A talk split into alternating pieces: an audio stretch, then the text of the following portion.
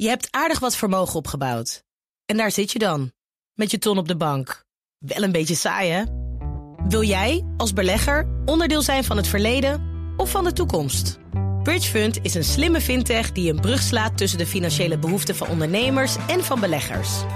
Dus wie belegt bij Bridgefund krijgt niet alleen een mooie vaste rente, maar brengt ook ondernemers in beweging. Echt waar, met die ton kan je zoveel betere dingen doen. Bridgefund. Make money smile.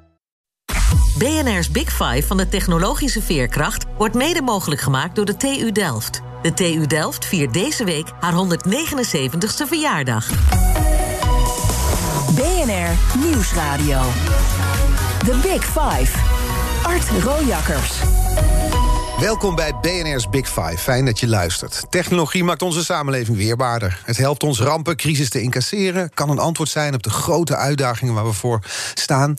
Maar ja, dan moeten we technologie wel op de juiste manier inzetten. Nou, daarom deze week de week van de technologische veerkracht in BNR's Big Five. En vandaag is Jos Benschop bij me, Senior Vice President Technologie van chipmachinefabrikant ASML. Een uitgebreide visitekaart. Goedemorgen. Goedemorgen. Laten we beginnen met drie stellingen waarop uh, met ja of nee geantwoord mag worden. Onze positie als wereldmarktleider is onaantastbaar. Niemand kan ons ooit nog van die troon stoten. Nee. Zonder ASML zou Apple nooit zo succesvol zijn geweest. Ja. We kunnen onze chipmachines oneindig blijven doorontwikkelen. Ja. Oké. Okay. Nou, dat is toch een redelijk optimistisch wereldbeeld, ja, een toekomstbeeld. Behalve dan die positie die niet onaantastbaar is. Nee, kijk, uh, het, is buiten, het is zelfs gevaarlijk om dat te denken. En uh, de historie heeft het ook laten zien. Toen ik uh, mijn carrière begon, lang, lang geleden... toen was GCA, Amerikaanse steppenfabrikant... zat in de positie die wij nu verkeren. En die was zes jaar later gewoon failliet. Oké, okay, ja, dus, dus alles is veranderlijk. Zelfs als je bijna 90% van de markt in handen hebt, hè? want dat hebben jullie ook. Ik zou bijna zeggen, juist als je marktleider bent en mensen denken dat alles vanzelf gebeurt, uh, ben je kwetsbaar. Ja, juist dan. Wat wilde u vroeger eigenlijk worden? Ja, ik, uh, ik heb nog heel lang. Uh, uh, als ik dan reisde, dan moet je bij een hotel invullen wat je bent. Heb ik altijd uitvinder ingevuld. ook al toen ik nog jonger was. Ja? Ik ben altijd geïnteresseerd en geïntrigeerd door, door techniek. En, en, en hoe dingen, ja, nieuwe dingen ons leven kunnen veranderen. Dus dat heb ik altijd al gehad, als, ook als kind. Ja, uitvinder. Ja. En wat wilde u dan, dan uitvinden? Ja, dat is het mooie van uitvinden. Je weet nooit wat je uitvindt, want dan, uh, dan ben je gewoon aan het ontwikkelen. Ja, dus uh, je, je, je, ik, ik ben helemaal geen goede. Ik heb wel wat patenten, maar ik ben helemaal geen, niet zo'n goede uitvinding. Maar de gedachte dat je met je hond wandelt. Je, je, wat, sorry? Dat alles mogelijk is. Nee, je wandelt met je hond en ineens uh, flits. dat was mijn naïeve beeld van een uitvinder. Ja? heb je een briljant idee waar iedereen gelukkig wordt. En zo gaat het in de praktijk niet. Nee, het is, vaak, het is vaak het samenspel met andere mensen. Je wordt geïnteresseerd door een probleem. Iemand heeft een halve oplossing. En, en in, die, in die dynamiek kom je vaak tot goede ideeën. Ja, want nu dus op de visitekaart staat Senior Vice President Technologie van chipmachinefabrikant ASML. Is dat uw droombaan? Ik vind het een geweldige baan. Uh, omdat ik namelijk. Uh, nog steeds bezig ben met techniek. Ik maak nog sommetjes. Ik verras mijn nieuwe medewerkers wel eens dat ik een sommetje kan maken. En tegelijkertijd zit je op een positie dat je toch ook ja, richting, mede richting kan geven aan het bedrijf. Mm -hmm. Dus je impact is groot. Dat vind ik wel mooi. Maar ik heb met mijn plek ook nog ruimte voor een sommetje. Mijn collega heeft uh, 10.000 mensen onder zich. Ja, dan heb je ook. Uh, die zal ook een sommetje kunnen maken. Maar ja. dan heb je toch ook heel andere zaken aan je hoofd. Dan heb je ook heel andere zorgen, inderdaad. Maar in zekere zin bent u eigenlijk uitvinder geworden, toch? Jazeker, ja. Ik heb toch een patent of uh, twintig op mijn naam staan. Dus ik, ik durf mezelf nog steeds uitvinder te noemen. Dat wordt nog steeds gezegd bij die hotels. Ja, we gaan niet meer naar hotels op dit moment, maar straks... Nee, nee, maar ik vind het nog steeds mooi om dat in te vullen, zeker. Ja, ja. Uh, ASML uh, maakt machines die chips produceren... en die chips zitten dan weer in allerlei apparaten. Als we eens een gewone dag nemen van een gewone Nederlander... vanaf het moment dat we uit bed stappen, zullen we eens door die dag heen gaan... wanneer krijgen we te maken met chips die uit jullie machines komen? Ja, ik heb dat uh, zelf al uh, de hele nacht. Ik, uh, ik heb tegenwoordig zo'n horloge wat niet alleen de tijd weergeeft, maar ook je hartslag meet, je slaapritme enzovoort enzovoort. Mm -hmm. Zo'n moment dat ik wakker word en op mijn horloge kijk, dan zegt hij al: Nou, je hebt zoveel uur geslapen en dit was je hartslag. Kan dadelijk ook even kijken hoe mijn hartslag tijdens dit interview varieert. Ik hoop dat hij iets hoger Maar- is dan tijdens het slapen. Maar de meeste, de meeste, ja, we worden omringd door elektronica. Of een, we hebben het soms door omdat we telefoons bij ons hebben. En we hebben het vaak niet door. Dus eh, continu. En eh, toen ik hier naartoe reed vanochtend, heb ik ook gebruik gemaakt van Google Maps om te kijken of er files waren. Die waren Nee. er gelukkig niet vandaag. Maar ja, vanaf het moment dat je opstaat tot het moment dat je naar bed gaat. En bij sommige mensen zelfs terwijl je slaapt.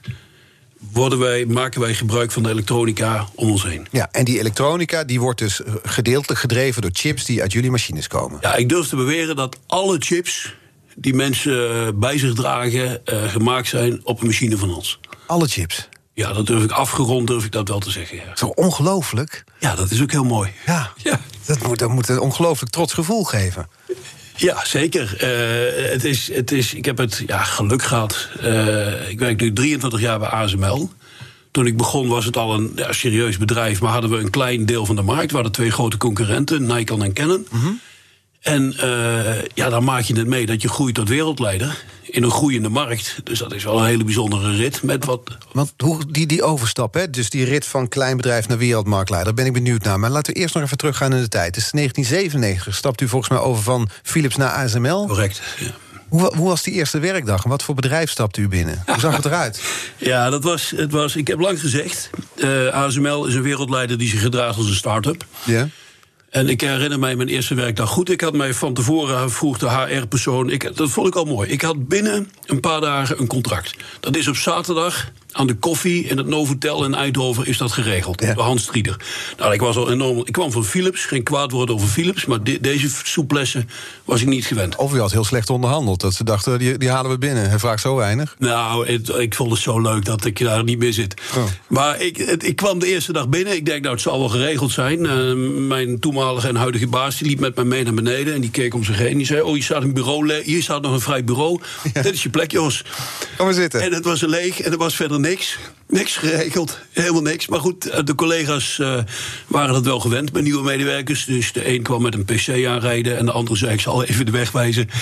Nee, het vond heel automatisch mijn weg, maar het was een. ehm, ja, eh, moet ik het zeggen? Het was een beetje chaotisch en dynamisch. Ja, en het is volgens mij nog steeds. Maar de man die u aannam is nog steeds uw baas? Ja. Ja, die baas van toen. Dat zegt misschien ook iets over het succes van het bedrijf. Dat, u zit er al heel lang. Nou, ik zit er al heel lang, maar het was, eh, er zitten heel veel mensen eh, zitten er al heel lang. Dus heel veel mensen uit het begin zijn gebleven. Dat geeft ook wel aan dat ondanks het. Ja, het is keihard gewerkt en we hebben pieken en diepe dalen gehad. Maar dat is verslavend, zou ik bijna zeggen. Het En is een zo, soort familiegevoel. Ja, nou, dat is met, eh, moet ik zeggen, met 20.000 mensen eh, heb je wel een hele maar- grote familie. Maar eh, nee, je, je, je kent elkaar en je, je hebt een gemeenschappelijk doel. En je, je, je- er is ook een hoge gunfactor wederzijds. Dus Mhm. ik, eh, ja, dat, dat, in de goede families voelt het zo, denk ik. Ja. Want toch dat marktaandeel, bijna 90% volgens mij. Hè? Nou, ik, we zijn gestopt met het tellen, maar eh, laat ik zo zeggen, we zijn wel eh, bij, bij far marktleider. ja. Klanten zijn onder andere Intel, Samsung, TSMC. Die leveren dan weer heel veel, aan heel veel bedrijven chips, waaronder Apple. Vandaar die stelling in het begin. Maar dus de wandeltocht, zou ik maar zeggen, of de route van een man die binnenkomt bij een bedrijf, waarbij ze zeggen: Nou, hier is een bureau, ga er maar aan- zitten. Naar een bedrijf met zoveel werknemers, 20.000, 90% van de markt in handen. Al die bedrijven die jullie producten gebruiken. Dat is een, een onwaarschijnlijke route. Ja, het is, het is, het is fantastisch dat je daar deel van mag, ma- mag uitmaken.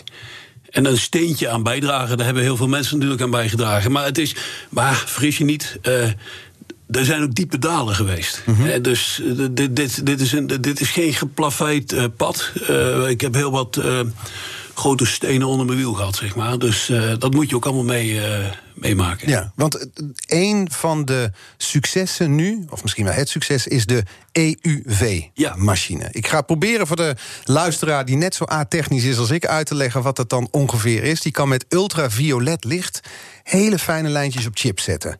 En dat is dus nodig zodat die chips zo klein mogelijk kunnen zijn. Correct? Heel goed. Ja? Hoe is het eigenlijk gekomen dat juist jullie dat zijn gemaakt... en dat niemand anders dacht, want dit is een cruciale machine... dat niemand anders heeft gedacht, die gaan wij maken?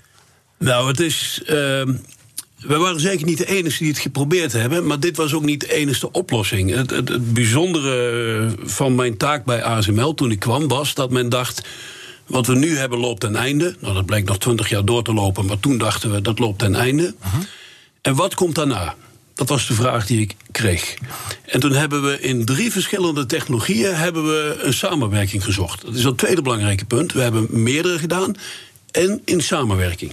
Dus we hebben elektronenlithografie, dat is iets anders, hebben we gedaan met Bell Labs, het fameuze Bell Labs in Amerika. We hebben ionenlithografie gedaan met een bedrijf in uh, Wenen.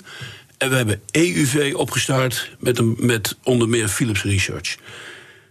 Deze technologieën waren alle drie al decennia lang in onderzoek. Maar wij dachten, nou, er was nog een vierde, op dat moment de grootste, waarvan we dachten, doen we niet. Toen hebben we een aantal jaren alle drie verkend. En zo na een jaar of vier hebben we besloten. We is dan uh, een onze wat noemden we chief scientist, ja. mijn baas Martin van der Brink. Maar jullie dachten, we gaan hiervoor voor EUV. Hebben alles op e- alle kaarten, alle eieren in één mandje gelegd. Ja, dat was de EUV.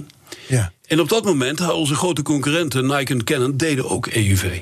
Dus wij waren zeker niet de enige. Als je de enige bent, moet je ook afvragen of je nou echt zo slim bent of niet. Ja. Ik moet wel zeggen, wij zijn de enige die het in, in, het, uh, in productie hebben gebracht. Dus we hebben iets goed gedaan. Ja. En dat in productie brengen betekent dat er nu dus uh, een, een enorme machine staat. Want die, het gaat dus om chips die zo klein mogelijk worden. Maar daar heb je dus een machine voor nodig die gigantisch is. Daar kun je ja. twee Boeings mee vullen, heb ik me laten Meer vertellen. zelfs. Ja, drie hebben we ervoor nodig. Hoe ziet hey, die eruit, die chipmachine? Ja, die chipmachine dat is een, dat is een apparaat van drie meter breed, uh, drie meter hoog en acht meter lang. Uh, voor de prijs van een vliegtuig. En die zit stampenvol met buitengewoon complexe componenten. En er zit toch heel veel software in. Dat is een hele complexe machine. Mm -hmm. We werken daar met, uh, met een paar duizend mensen een paar jaar aan. Dus dat is het andere hele bijzondere, dat je zo'n grote groep mensen aan één machine kunt laten werken. Ja. Hè, en dat je hem op het laatste in elkaar schroeft en dat hij het uiteindelijk ook doet. Uh, dat is een hele complexe machine. Een machine eigenlijk als ik die wil kopen? Oh, uh, met 100 miljoen beter niet. Nee, 200 miljoen? Ja, zo, zo tussen de 100. Het hangt er een beetje vanaf welk model je kiest en hoeveel opties je aankruist. Maar ja, die orde grootte moet je denken. die je kan kopen. Ja, ja, ja. ja het pakket wil of niet? Jazeker. Ja. En dat is dus een, het is een kostbare machine. Het is een grote machine. En de, het knappe is dat hij dus hele dunne lijntjes op chips kan laten zetten. Ja, onze wereld, uh, dat, dat, wordt wel, dat is ooit eens een keer beschreven door Gordon Moore, de oprichter van Intel. Onze wereld kent al 50 jaar lang eigenlijk hetzelfde um, drive. Namelijk door steeds kleinere lijntjes te kunnen maken op zo'n chip, kan er steeds meer in die chip. En kun je steeds meer van minder geld. Ja, de wet van Moore is dat volgens mij. Het ja, wordt, de wet van Moore, heel goed. Het wordt verdubbeld, telkens verdubbeld. verdubbeld. Iedere, ja, hij, zei, hij heeft ooit gezegd, iedere één jaar verdubbeld. Tien jaar later heeft hij zijn eigen uh, wet aangepast. Dat mag, uh, als het niet een natuurkundige wet is. Ja. Uh, en jarenlang is het iedere twee jaar verdubbeling van, van de, zeg maar de, de aantal chips. Aantal transistoren in zo'n chip. Ja, dus daarmee de snelheid van chips. En daarmee wordt die, uh, verbruikt hij minder energie, wordt hij sneller en is die goedkoper. Ja, maar als je dus 90% van de markt in handen hebt, zijn jullie eigenlijk persoonlijk verantwoordelijk of die wet nog uitkomt of niet? Zo'n beetje. Wij zijn mede verantwoordelijk. Het is, nooit, het is zo dat de kleinere lijntjes nooit het hele fenomeen verklaard hebben. Heeft Gordon Moore in het begin zelf ook al gezegd. Het is ook de slimheid van de ontwerper. En je hebt ook andere machines nodig om dit te kunnen. BNR Nieuwsradio. The Big Five. Art Rojakkers. Deze week de Big Five van de technologische veerkracht. Eerder sprak ik met Elfie Nelissen, expert op het gebied van smart cities... AI-ondernemer Jim Stolsen, Ton van der Steen... hoofd biomedische technologie van het Erasmus MC. En morgen dan sluit ik af met Annemieke Nijhoff van Deltares. En vandaag de gast Jas, Jos Benschop, topbestuurder bij ASML. Ja, we hadden het dus over die machines, over de wet van Moore... over dat hele nou ja, hoogtechnologische wat jullie daar in Veldhoven allemaal mogelijk maken. Jullie zijn zo goed, ja, eigenlijk de enige die deze machines kunnen maken, toch? De EV-machines zijn wij de enige die die kunnen maken. Ja, en daarmee, dat is dan ook het lot van een, van een marktleider... ook enigszins speelbal van de internationale politiek geworden. Want Amerika, we hebben het allemaal in de krant kunnen lezen... Amerika wil niet dat jullie je machines aan China leveren. Dan denk ik, waar bemoeien ze zich eigenlijk mee? Ja, kijk, het is, het is een feit dat er uh, vandaag de dag veel geopolitieke spanningen zijn. Uh, iedereen kan dat lezen in de krant. En uh, helaas is het ook zo dat het zoeklicht daarbij ook op ASML is gevallen. Uh, wij, volgen, wij houden ons natuurlijk aan de wet. Dus als de wetten veranderen, zullen wij daar naar leven. Maar we kunnen daar wel last van hebben. Maar wat ik, wat ik zou willen opmerken is dat. Als ik.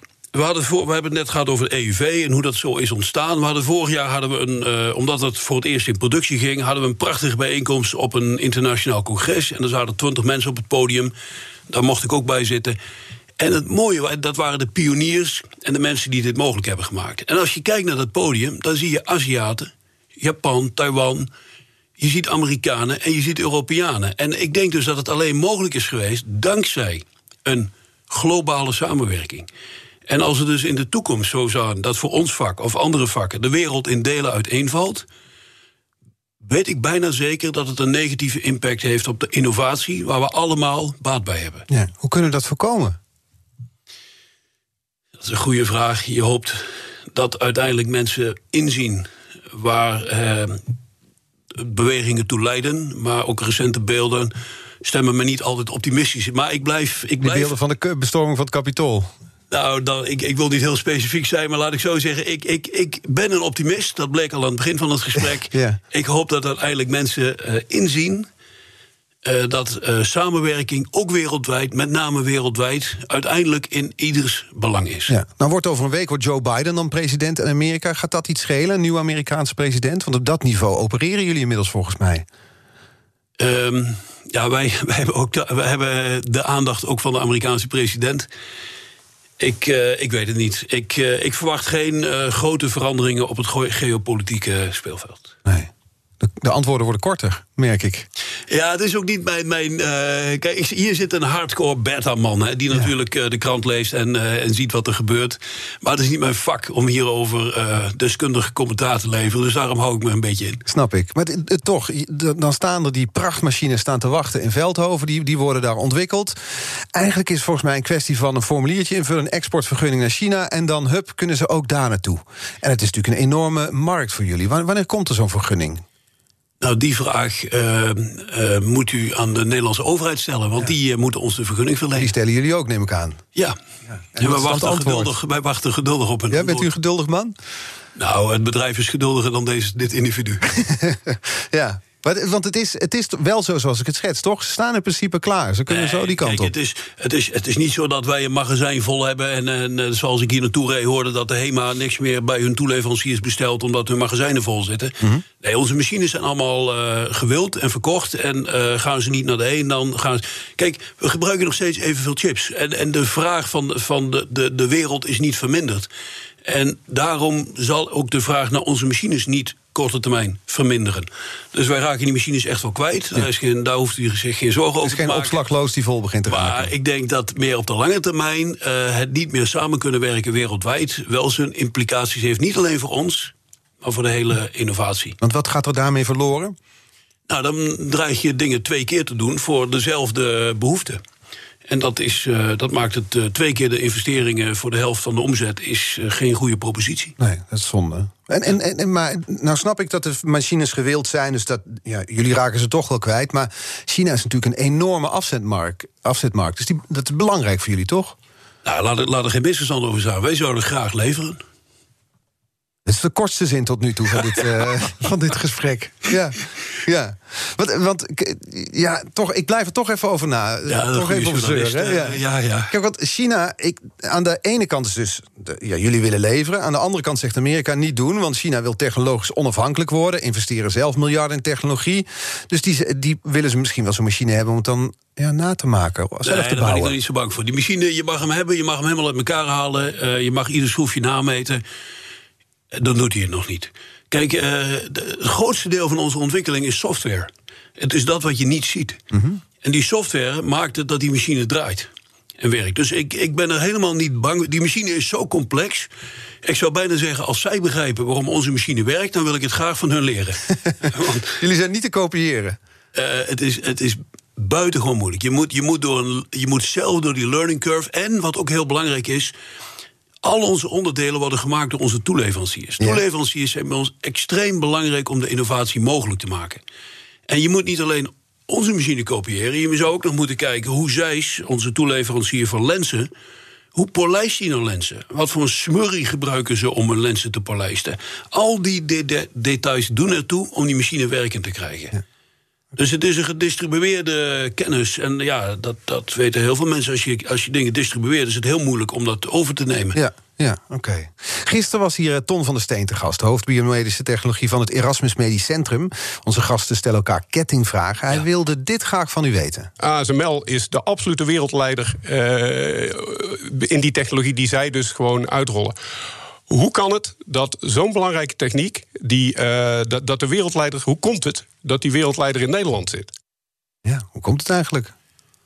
Ja, het, ja, ik ken Ton goed. En ik, ik vond het een mooi interview. Maar het mag. Het is, het is een beetje Calimero. Hè? Waarom verbaast het ons dat wij zo goed zijn? Ja. Nou, dat, dat, dat, eh, dat hoeft ons eigenlijk helemaal niet te verbazen. Ik denk dat wij in Nederland een fantastische voedingsbodem hebben voor high-tech bedrijven. En dat bestaat uit aan enerzijds kennisinstellingen, topuniversiteiten. Eh top-instituten, die, die, en, maar ook grote bedrijven, kleine bedrijven. En die hele keten maakt ons sterk. Eh, wij zijn ASML, de technologie van ASML is voortgekomen uit een groot bedrijf, Philips Research. Vervolgens zijn wij groot geworden. Onze machines maken gebruik van componenten die ook bijvoorbeeld een VDL worden gemaakt. De maakindustrie is de, ook kleinere bedrijven zijn extreem belangrijk voor ons succes. In Nederland hebben we ze allemaal. En heel belangrijk, in Nederland hebben we een traditie van samenwerken. Wij kennen elkaar. Er is een hoge gunfactor. En dat is dus een fantastische voedingsbodem. Nou, dat ASML nu zo groot is, is natuurlijk ook een kwestie van toeval. Hè. Wij zijn een paar keer langs de rand van de afgrond gegaan. Dus eh, vier anderen die eh, nog slimmer waren als ik, die staan hier niet omdat er andere dingen eh, gebeurden waardoor hun bedrijf ten ziele ging. En wanneer zijn jullie langs de rand van de afgrond gegaan? Wanneer? Ja. Oh, de laatste keer was denk ik in 2009, 2010... toen onze omzet in één kwartaal met 75% in elkaar zakte. Eh, Hoe kwam dat? dat kwam toen door de, ja, wat was ook alweer de aanleiding? Eh, De hele bankencrisis. Hè? Dus eh, eerst stortte de financiële sector in, vastgoedsector, niemand koopt nog iets. En vervolgens de hele economie een enorme tik kreeg. Ja. En dan rand van de afgrond betekent dat het voortbestaan van het bedrijf echt op het spel Ja, stond? toen had, dat had niet nog een jaar langer moeten duren. Eh, op een gegeven moment zagen wij licht aan het eind van de tunnel. We hebben zelfs mensen moeten ontslaan. Ik heb persoonlijk mensen moeten ontslaan. Dat, dat gaat je enorm aan het hart, kan ik je verraden.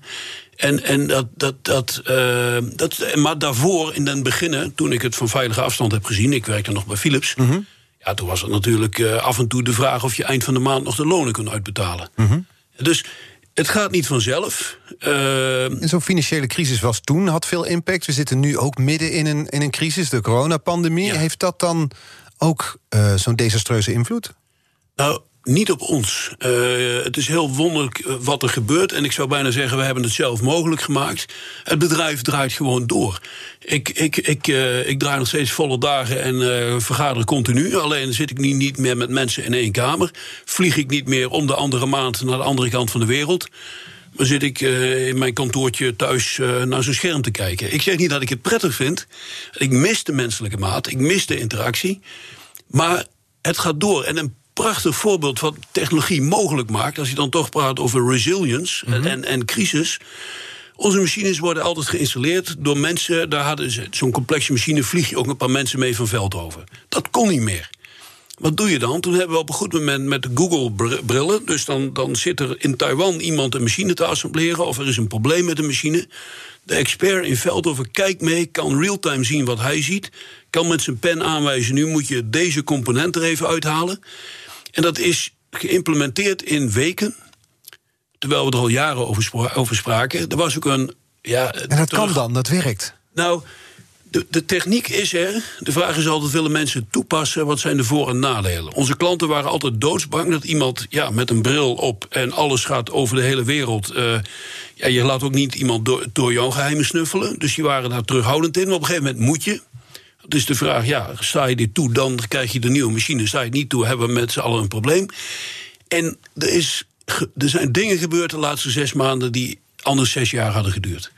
Dus er is ook een versnelling Ja. in de implementatie van technologie.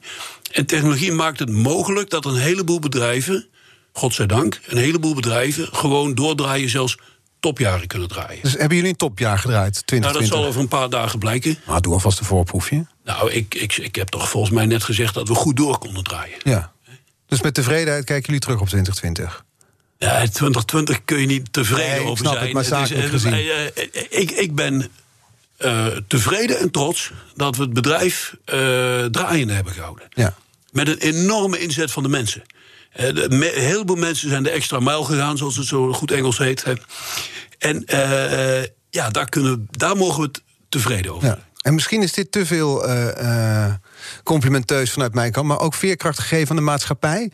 Door jullie eh, technologie konden wij met z'n allen dus op afstand met elkaar videoconferences doen. absoluut waar. De, de, de, de technologie De die we wereld is gedeeltelijk blijven draaien door uw technologie. Ja, als het een stelling is met ja of nee, dan zeg ik ja. Kijk, nou, een mooie afsluiting van het eerste half uur. Zometeen praten we verder met Jos Benschop van ASML...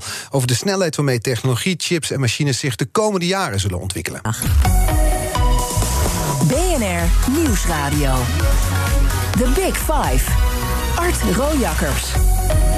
Welkom bij het tweede halfuur van BNR's Big Five. Deze week vijf kopstukken uit de wereld van de technologische veerkracht. En vandaag is dat Jos Benschop, Senior Vice President Technologie van chipmachinefabrikant ASML. We hadden het eerder al over die EUV-machine. Die, die hoogtechnologische machine die dus verantwoordelijk is voor hele dunne lijntjes op chips, waardoor die steeds kleiner worden en ze dus ook steeds sneller kunnen worden. En we hebben daar de hele dag profijt van met z'n allen, van onze smartwatch tot onze telefoon tot Google Maps, noem maar op. Maar die machine, die ontwikkeling daarvan, dat ging niet zonder slag of stoot. Dat duurde eigenlijk zelfs langer dan verwacht, toch?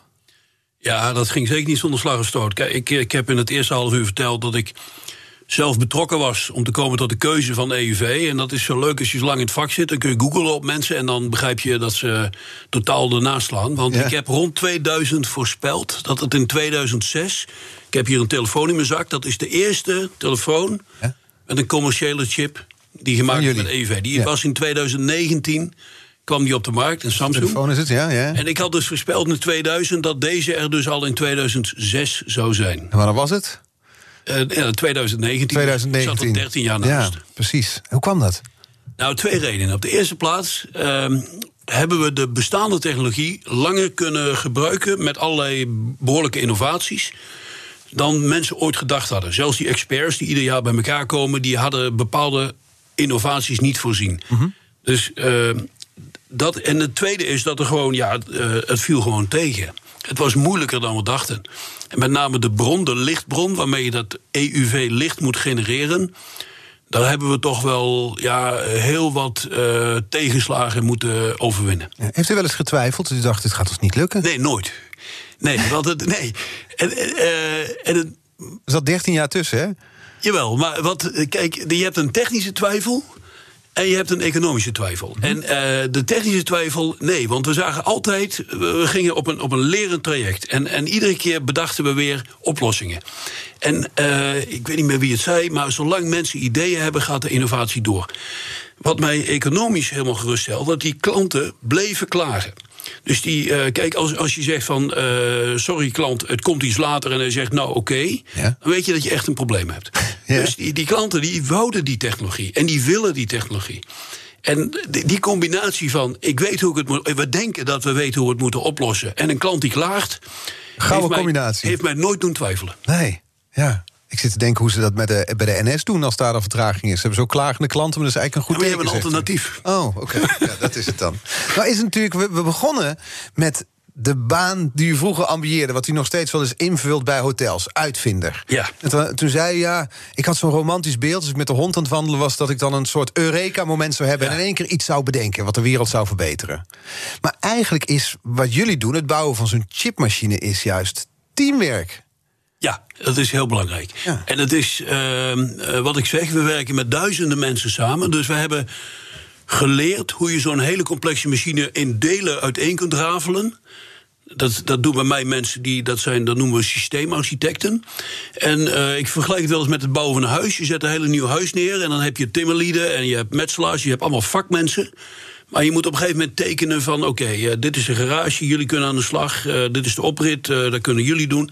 En zo verdeel je het werk. En heb je uiteindelijk ja, zeg maar 50 eh, van die teams... van ieder 20 mensen die parallel aan die ene machine werken. Dus het is Dat teamwerk. is dus het echte uitvinden eigenlijk. Het is een van onze krachten. Het is niet dat wij dat uitgevonden hebben. We hebben dat geperfectioneerd, deze manier van werken. Nee, maar wat ik bedoel te zeggen is dat romantische beeld... Oh ja, nee. Hè, van dat lampje boven het hoofd van de nee, kijk, eenling. dan, dan toch die, dat- dat- het- ik ben niet helemaal teleurgesteld in mijn verwachtingen als kind. Eh, een van mijn beste uitvindingen was eh, de Twinscan-machine. Die, ons, eh, de- de- die heeft ons gebracht tot waar we staan. En die heb ik samen met mijn baas bedacht. In ieder geval, wij hebben een belangrijke uitvinding ervoor gedaan. Terwijl we een weekendje gingen skiën, dus op, een, op een business trip. En dan gingen we gewoon eh, ja, lekker van die helling af. En, dan, en ondertussen dachten we na. En dan Kwamen jullie op de Twinscan-machine? ja, kwam op de manier waarop die twee stages... dat is toch wel een basispatent voor de Twinscan-machine. Later bleek Ik heb interessant... geen idee van een Twinscan-machine. Oh ja, sorry, dan zal ik dat even uitleggen voor de luisteraars. Chips worden gemaakt op wat wij noemen wafers. Dat zijn 300 mm plakken, een millimeter dik. En dan laagje voor laagje voor laagje bouw je daar zo'n chip. En bij iedere laag breng je een patroon aan en gaat die in onze machine. En omdat je meerdere patronen hebt, moet je ervoor zorgen dat je precies het nieuwe patroon bovenop het, het vorige patroon legt. precies matchen, dat moet precies, elkaar matchen. vallen. Wat, wat we altijd deden, en iedereen nog doet, behalve ASML... is dat je ongeveer de helft van de tijd ben je kwijt om te meten... hé, hey, waar ligt dat vorige patroon? En dan zet je de volgende erbovenop. Toen kwamen we met een idee, we, doen, we scheiden het. Dus we, we hebben nu in plaats van één wever in de machine... twee, twin scan. Ja. De eerste wever wordt gemeten en de vorige wordt al belicht. En daarmee ja, kwamen we met een veel hogere productiviteit Want je bespaart daarmee tijd. tijd. En die dure machine die is zeg maar twee keer zo effectief. Ja, die wordt 20% duurder en is twee keer zo snel. Ja. Ja, dat is natuurlijk een winner. Ja, zeker. En dat gebeurt dan terwijl je op de ski staat. Dan zie ik meteen het romantische beeld van een man die naar beneden kijkt. Ziet, ik sta op twee skis. Wacht eens even, wacht Nee, eens nee, even. nee. Je hebt twee bier voor je staan en je denkt, wacht Oh, dat even, is- twee bier. Nee, maar laat ik zo zeggen, uitvinden gebeurt op vele manieren. Dit, dit is een voorbeeld wat helemaal past in mijn ideale beeld van de uitvinder. Hè. Mhm. Maar ook dit was teamwork. Ja. Eh, maar uitvindingen gebeurt vaker in een proces met brainstorms, met meerdere mensen, met, met mensen, creatieve mensen. Diversiteit is dan ook belangrijk. Niet alleen mensen die hetzelfde denken, juist mensen die anders denken. Brengen je op ideeën. En hoe doen jullie dat? Nou ja, we hebben wat dat betreft, we zijn natuurlijk wel een, een, een hardcore eh, engineering community. Maar zelfs binnen zo'n hardcore engineering community heb je bijvoorbeeld in Veldhoven meer dan 100 nationaliteiten. En, en, en mensen vanuit een andere cultuur denken ook vaak anders. En het is juist die, die mix van, van eh, culturen, manieren van denken, die je op onverwachte ideeën brengt. Ja. Maar dat is ook, die mensen moeten elkaar fysiek, denk ik dan, ontmoeten, elkaar treffen. om zo op ideeën te komen, om elkaar verder te brengen. En dat kan nu niet. Ja, ik heb, eh, dat is een van mijn zorgen, maar die, die, die, tot nu toe valt het erg mee. Ik geloof inderdaad dat de, de koffiemachine een belangrijk punt is voor uitvindingen. Ja, serieus. Dat, daar praat je een beetje waar, waar je mee zit. En dan zit er iemand anders toevallig naast je en die zegt: Oh, eh, ik heb wel een idee. Dat viel weg. En ik was bang. eh, Ik heb, we monitoren natuurlijk onze productiviteit. Ook het aantal uitvindingen die in mijn research eh, gedaan worden. En dat is eigenlijk redelijk stabiel gebleven. Hoe kan maar, dat? Ja, ik moet ook bekennen, mensen hebben vaak ideeën. En dan moeten ze ook nog de tijd nemen om het op te schrijven. Dus ik, ik denk dat die pijplijn een beetje leeg aan het lopen is. Ik verwacht als dit nog heel lang gaat duren. Ik hoop dat we denken in maanden en niet in jaren. Dat we daar wel een effect van gaan zien, ja. Dat dan daarmee de innovatiekracht, de uitvindingen, als ik het simpel Ja, zeg, dat, het- die, dat die verdwijnen. Ik denk dat het de toevalligheid en elkaar tegenkomen een belangrijk element is van innovatie. Ja. Want hoe is dat voor u persoonlijk? Want u, u zei al, ik zit nu veel te videobellen. Ja. Dat is niet heel inspirerend. Nee, dat is Als- vreselijk. Ik, eh, ik, zou vier, eh, ik, ik had vier congressen, zou ik een verhaal houden vorig jaar. Uiteindelijk is er één doorgegaan. Ja. En dan zit je eh, alleen in een halfdonkere kamer, op beeld op de 19e verdieping, voor zo'n webcam. Ja. En ja, dan, dan, moet je. Dan vraag, normaal zit ander- daar een zaal met een paar honderd man. En als je dan een grapje maakt en in niemand lacht, dan weet je dat je dat niet moet doen. Weet je, je hebt ge- geen interactie. En dat mis ik enorm. Ja. Waar haalt u nu uw creativiteit vandaan? Nou ja, kijk, de er zijn natuurlijk nog steeds enorm veel uitdagingen waar je over na kunt denken, sommetjes over kunt maken, met mensen over kunt videobellen. Het is niet dat het, het stopt, het gaat door. Eh, maar Heeft ik moet. eigenlijk een hond? Ja, Dus tijdens het lopen met de hond gebeurt het nu dan ook, of niet? Uh, nou, ik moet je eerlijk zeggen, mijn, hond, mijn, mijn, vrouw en mijn dochter zijn nu met de hond uh, lekker een weekje aan het strand. Dus ik zit alleen thuis. Dus ik moet mezelf nu ertoe dwingen om af en toe eens even een blokje rond te lopen. Zelf uit te laten. Ja, want het is uh, als je de hele dag in zo'n kamertje zit en niet beweegt, ik ben heel blij met de hond. Ja, ja. maar die, die uitvinder die nee, dus met de hond gaat wandelen en dan op ideeën komt. Die is er nog steeds. En, Werkt dat nog steeds, hè? Die is er nog steeds. Maar nogmaals, die dynamiek en juist het onverwachte, het elkaar kunnen treffen. Uh, Tom van der Steen uh, wees daar ook op. Uh, we, hebben, we zijn bezig met een Academy of Engineering. Dat mensen van verschillend pluimage elkaar treffen. Wetenschappers, industriëlen, beta, gamma, alpha. Daar gebeurt het, daar is de innovatie. Het slapje kop, een slappe kopje koffie, dankjewel. Voor... Het is slap inderdaad, hè? Nee, ja, en zo'n zo papieren bekertje... Ja. dat is een van de drijvende krachten van innovatief Nederland. Ja. En over die innovatie. Afgelopen week vroeg de sector om extra overheidssteun. Omdat de innovatiebudgetten lijden onder de coronapandemie. Ziet u dat ook, dat er minder wordt geïnvesteerd in innovatie in ons land? Ik weet het niet. Dat is het eerlijke antwoord. Ik zie wel uh, een heleboel bedrijven leiden, ook uh, technologische bedrijven. En uh, ja, je moet altijd de tering naar de nering zetten. Mm -hmm. Dus het zou mij niet verbazen als dat inderdaad zo is. Maar ik ken de cijfers niet. Nee, want er is natuurlijk er is zo'n nationaal groeifonds. Er zit volgens mij ja. 20 miljard in voor economische groei. en da daar zegt u volgens mij van, nou, laat, laat een deel van het geld nou naar zogeheten sleuteltechnologieën gaan. Klopt dat?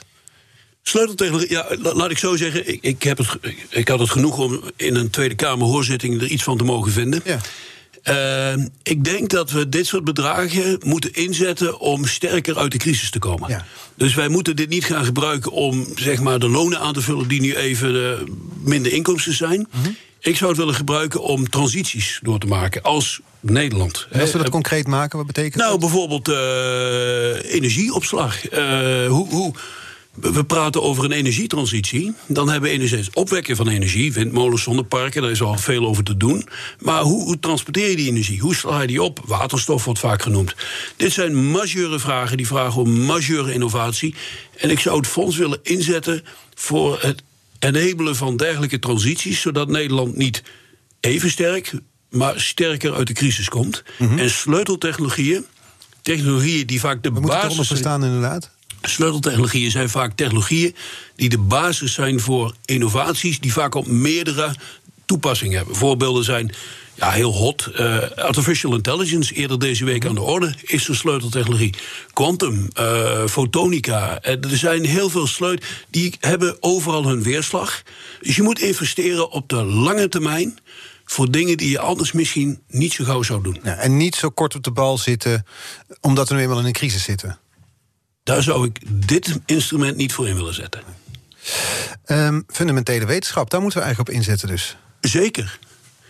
Maar niet uitsluitend. Nee. Okay. De zinnen worden weer korter. We gaan even snel naar iemand ja, anders ja. toe. The Big Five. Art Rojakkers. Nee, luister naar BNR's Big Five van de technologische veerkracht. Vandaag de gast Jos Benschop, topbestuurder bij ASML. Um, we hebben het natuurlijk over die chips. Hoe explosief zal de vraag naar chips de komende jaren eigenlijk stijgen? Nou, die, er is geen enkele reden om te verwachten dat de explosieve stijging niet doorzet. Uh, sterker nog, er zijn, er zijn allerlei tekenen. Uh, allerlei drivers voor die, die die vraag alleen maar aan zullen wakkeren. Om maar één te noemen: uh, de zelfrijdende auto. Mm uh, auto's uh, over, over vijf tot tien jaar zal een belangrijk deel, misschien wel de helft van de kosten, zullen in de elektronica gaan zitten. Het, vroeger was dat een mechanisch wonder, straks is het een elektronisch wonder op wielen. En die, die auto's, die, dat is niet alleen dat je dan ondertussen je e-mail kunt doen, dat mag je niet doen als je rijdt, maar heeft een vergaande implicatie, impact op onze, in, onze maatschappij. Mensen die nu niet kunnen rijden en moeten wachten op een taxi die dan te laat komt of niet komt, die roepen dadelijk gewoon een auto af. Die auto's kunnen, dat is al eerder gezegd deze week, eh, toekomstige wijken hebben misschien helemaal geen auto's van mensen. Nee, uh, auto's inderdaad... roep je op afroep eh, komen. En, en niet alleen dat je dan voor komt rijden zonder chauffeur. En breng je ook waar je naartoe moet op een veilige manier. Dat is, dat is één voorbeeld uh, waardoor de vraag van chips gewoon in onze ogen dat horen we ook van onze klanten, explosief zal blijven stijgen. En heel even simpel gesteld, al die ontwikkelingen waar we het over hebben, bijvoorbeeld die zelfrijdende auto. We hadden eerder deze week de Brainport Smart District, die gebouwd gaat Ja. worden in Helmond, die slimme wijk, misschien wel de slimste wijk ter wereld. We hebben het over artificial intelligence gehad met Jim Stolzen, wat al die algoritmes wel niet mogelijk maken. Heel simpel gesteld, als jullie de stekker daar een Veldhoven eruit trekken, houden die ontwikkelingen dan op? Nou, ik wil mensen niet op ideeën brengen, maar ik denk het wel. Ja, ja. En dan zitten jullie dus Ja, zo op. Dan zal, dan zal er een tijd lang eh, een behoorlijke hiccup zijn. Ja. Maar dat, nou is het natuurlijk zo, jullie zijn dus marktleider. We zijn dus echt met z'n allen, kijken we naar ASML... We hebben, we hebben jullie technologie nodig. Nou wordt ook altijd gezegd, van concurrentie blijf je scherp als ondernemer. Ja, Ja, er is niks zo mooi als een kleine concurrent. Ja, dat is wel een hele kleine concurrent. nee, nee, maar serieus. Natuurlijk geniet ook ik van het succes. Ja. Maar ik herinner me, toen we kleiner waren, waren we toch wel scherper. Meer agile, meer, meer van, jongens, pas op. Wat, wat gebeurt er? Wij, wij, wij, wij, wij spelden de krant, wij lazen alle patenten. Want ja, je, je, je, bent, je bent een relatief kleine speler en je moet die anderen dus voorbij. En daar moet je. En nou, en nu. Eh, hebben we dat nog wel. Maar heel veel mensen die nu nieuw binnenkomen... die, die zitten dan in zo'n fantastische plaatsa... waar we dan eh, het grootste restaurant van Nederland... en het gaat allemaal geweldig. Nee, ja, het gaat wel geweldig... maar dat is helemaal geen zekerheid dat het zo blijft. Dus die concurrentie, die houdt je scherp. En En dus dus is een valkuil, de- zo groot zijn, zo succesvol zijn, je niet uitkijkt. eh, arrogantie ligt op de loer... en dat is de grootste bedreiging. ja. ja. Maar goed, dan is er nog de Brabantse mentaliteit die dat tegenhoudt. Die De, arrogantie? de Twentse mentaliteit eh, zal daar... eh, Een Twentse mentaliteit? Ja, ik ben een tukker van Oh, oké. Nou, dat is ook niet zo erg. Ja. maar daarom was die eerste stelling al... Onze, onze positie als wereldmarktleider is onaantastbaar. Niemand kan ons van die Nee, troon is absoluut niet meteen Nee op gezegd, inderdaad. Ik moest terugdenken, ik ben in de buurt van Eindhoven opgegroeid. Op een gegeven moment kwam Philips met de CD. Niet Ja. te vergelijken met de chip natuurlijk... maar opende daar een hele industrie mee. Want dat was hun eigen product. Iedereen in de hele wereld moest CD-spelers kopen. Dat, dat was puur van Philips. En ze waren onaantastbaar. Maar ja, niemand gebruikt nog CD's. Kan dat ook zo gaan met jullie product? Dat over tien jaar helemaal niemand dat nodig heeft wat jullie maken? Nou, ik denk niet dat het niet nodig zou zijn. Het is wel zo dat er dingen kunnen veranderen en de rol die je speelt in die keten verandert. Eh, maar, maar wij zullen. Ik, ik, ik kan me niet voorstellen, 10, 20, zelfs 50 jaar van nu, dat semiconductors-industrie, de industrie die wij enabelen, niet bestaat. Ik, ik, ik, ik vergelijk het wel eens met, eh, ook met de vliegtuigindustrie. Eh, en eh, dus de Moore's Law. Ik heb wel eens een grafiek gemaakt, de snelheid van vliegtuigen. Dat ging ook eh, semi-logaritmisch omhoog. En op een gegeven moment vlogen we allemaal 1000 kilometer per uur. Ja.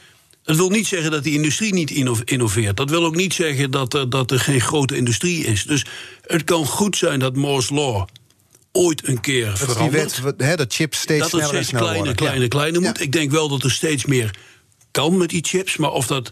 Het is altijd een onderdeel geweest van Moore's Law, het kleiner maken van chips. Dat kan over 10 of 20 jaar wijzigen. Maar dan blijft die industrie bestaan en blijft het zeg maar, belangrijk om dergelijke machines te bouwen. Ja, maar ik heb wel eens een vergelijking, een vergelijking gelezen van die Moore's Law... of van dat waar jullie mee bezighouden. Als je jullie innovatieve kracht zou toepassen op auto's... dan Oh, zou je ja. volgens mij op één druppel benzine... nu 50.000 kilometer die- kunnen rijden, dat, toch? en, eh, ja, dat, dat, dat is waar. Of je vliegt van eh, Parijs naar New York in eh, zoveel seconden voor, eh voor een Zo cent hard is het gegaan, die ontwikkeling bij jullie. Ja, ja. Ja. En, en dat, is, eh, dat is heel bijzonder. Maar daarom zien we ook een impact op de maatschappij die uniek groot is, zou ik bijna durven zeggen. Ja. Hey. En wordt het dan, eh, eh, die, die chips, dat, dat gaan we dus nog nodig hebben. Die semiconductors gaan we dus nog nodig hebben. Als we dus de andere kant op redeneren, wat is over tien jaar veranderd? Gaat het nog verder? Hebben we straks, weet ik het, een betaalchip in onze hand, bij wijze van spreken? Ja. Het is, ik- ik- ik- er zijn mensen die, die, die daar beter zijn dan ik over die voorspellingen. Het is, ik, ik denk altijd wel, wat zou ik tien jaar geleden gezegd hebben, wat we vandaag zouden hebben. Ja. En dan, dan, had ik er, dan had ik niet die fantasie gehad om dat te bedenken. Maar, ik, maar het voorbeeld wat ik net gaf, zal zeker nog tien jaar duren. De hele transport. Ook de hele communicatie, eh, de manier waarop wij eh, omgaan met gezondheid, het monitoren van gezondheid.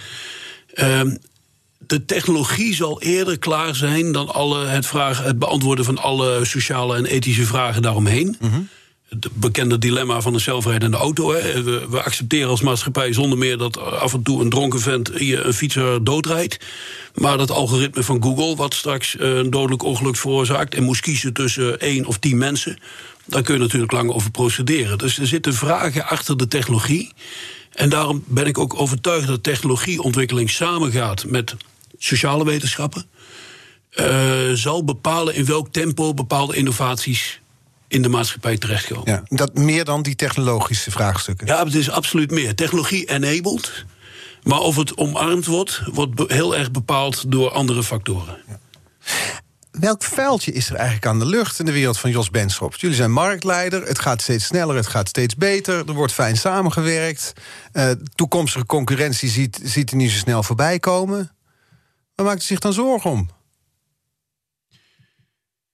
Kijk, ja, waarschijnlijk was er iemand zoals ik... Uh, die deed de gasverlichting van Parijs... en die zat uh, in een studio en die vertelde dat er geen veld in de lucht was. En toen kwam er iemand met een elektrische draad... en het, het, kan nog steeds. Het kan nog steeds dat er iets langskomt waardoor wij uh, een totaal andere rol spelen. En daar komt een concurrent die een totaal andere ja, aanvliegroute kiest en daardoor jullie voorbij streeft. Uh, iedereen heeft zijn mond vol van quantumcomputers. Ik blijf daar heel rustig onder. Uh, als ze er komen, niet, en dat gaat denk ik nog even duren, maar ik verwacht dat ze wel komen, zijn wij nog steeds nodig. -hmm. maar je weet het niet. Je weet het niet. Nee, ik, als ik nou. Ja, we hebben het al eerder besproken. Ik denk de hele geopolitieke spanning, het opbreken van de wereld in delen, in Amerika en, en, en China en Europa, wat er nog tussenin zit, misschien wel onze grootste bedreiging is op de middellange termijn. Ja, die geopolitieke ontwikkelingen. Ja, daar. Uh, dat zit mij meer dwars dan uh, hoe ik de volgende machine zou moeten bouwen. Ja, dus je kijkt in de krant kijkt eerder naar de buitenlandpagina dan naar de economische pagina. Uh, beide zijn meer en meer verweven, maar inderdaad, ja. ja. Morgen is hier te gast uh, Annemieke Nijhoff. Ja. Zij is uh, topvrouw bij Deltares. Um, en u mag er een vraag stellen, een kettingvraag. Wat zou u van haar willen weten? Ja, kijk, een van de uitdagingen waar we voor staan in Nederland is het opleiden van voldoende beta-talent. En dat gaat niet alleen universitair, maar vanaf het MBO op alle niveaus is er een tekort aan beta-talent. En er is een geweldige pool van talent die eigenlijk slecht aangeboord wordt. Dat zijn de vrouwen. Mm en ja, zij is eigenlijk een rolmodel. Zij, ze heeft een ingenieursdiploma van een prachtige universiteit. Universiteit in Twente, waar ik zelf ook mijn ingenieursdiploma gehaald heb. Mhm. Ze heeft een prachtige carrière, een toppositie. Mijn vraag is, hoe kan zij als rolmodel... en mensen in een vergelijkbare positie als haar...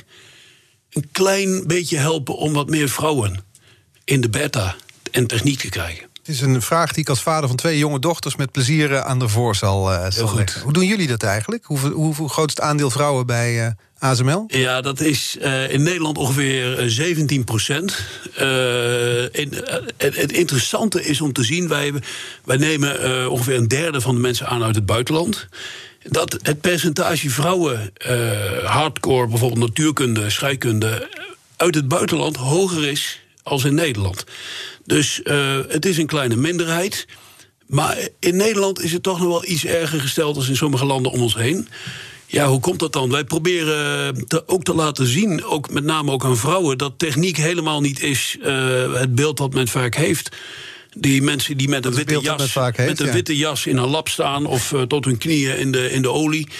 Nee, het is. Het is, en het is Wat dan? Ja, je maakt het verschil. Je, je, je lost hele complexe problemen op. Je moet dus natuurlijk wel houden van, van een uitdaging, een intellectuele uitdaging. Maar niet, als je dat dan opgelost hebt, dan bouw je een machine waardoor uh, mensen dadelijk uh, langer thuis kunnen blijven wonen, om eens iets te noemen. Dus je maakt het verschil. En dat moet toch ook vrouwen aanspreken. Ja. En je maakt verschil dat mensen langer thuis kunnen wonen? nou ja, wij, wij, die machines van ons, dat hebben we net uitgebreid besproken, ja. die doen iets, die, die, die, die, die uh, maken iets mogelijk wat een impact heeft op ons leven. Ja. Positief en negatief. Maar da, dus het, het heeft impact en ook een hele positieve impact. Ja. En dat noem ik, wij maken het verschil. Ja, dus daarom dat verschil maken, en dat is iets anders dus inderdaad dan met de poten in de, in de olie staan of met een witte lapjas kijken naar iets onbegrijpelijks. Nou, er zijn twee dingen. Dus ik, ik zeg, het beeld wat een heleboel mensen, meisjes hebben bij techniek is denk ik ja, uh, achterhaald. Ja. En het tweede is wat ik zeg, maar dat geldt ook voor de jongens. Uh, ja, als je, houdt, als je houdt van een uitdaging en, en, je, als je het dan uh, begrijpt en uh, er wordt iets mee gedaan, ten gunste van een grote groep mensen, ja, dan moet je toch eens nadenken over techniek. Ja, dan mag je er trots op zijn. Net zoals uh, u dat mag zijn. Dank voor de komst vandaag. Met veel plezier gedaan. Interessante gesprek. Jos Benschop, Senior Vice President Technologie van chipmachinefabrikant ASML. Um, alle afleveringen van BNR's Big Five, dus van deze week ook, zijn allemaal terug te luisteren. De podcast is te vinden in de BNR-app, ook op bnr.nl. Nu op deze zender, Iman Verrips met BNR Breekt. Dus ik zou vooral blijven luisteren. Tot morgen. BNR's Big Five van de technologische veerkracht wordt mede mogelijk gemaakt door de TU Delft. De TU Delft viert deze week haar 179ste verjaardag. Je hebt aardig wat vermogen opgebouwd. En daar zit je dan, met je ton op de bank. Wel een beetje saai, hè? Wil jij, als belegger, onderdeel zijn van het verleden of van de toekomst? Bridgefund is een slimme fintech die een brug slaat tussen de financiële behoeften van ondernemers en van beleggers. Dus wie belegt bij Bridgefund krijgt niet alleen een mooie vaste rente, maar brengt ook ondernemers in beweging. Echt waar. Met die ton kan je zoveel betere dingen doen. Bridgefund. Make money smile.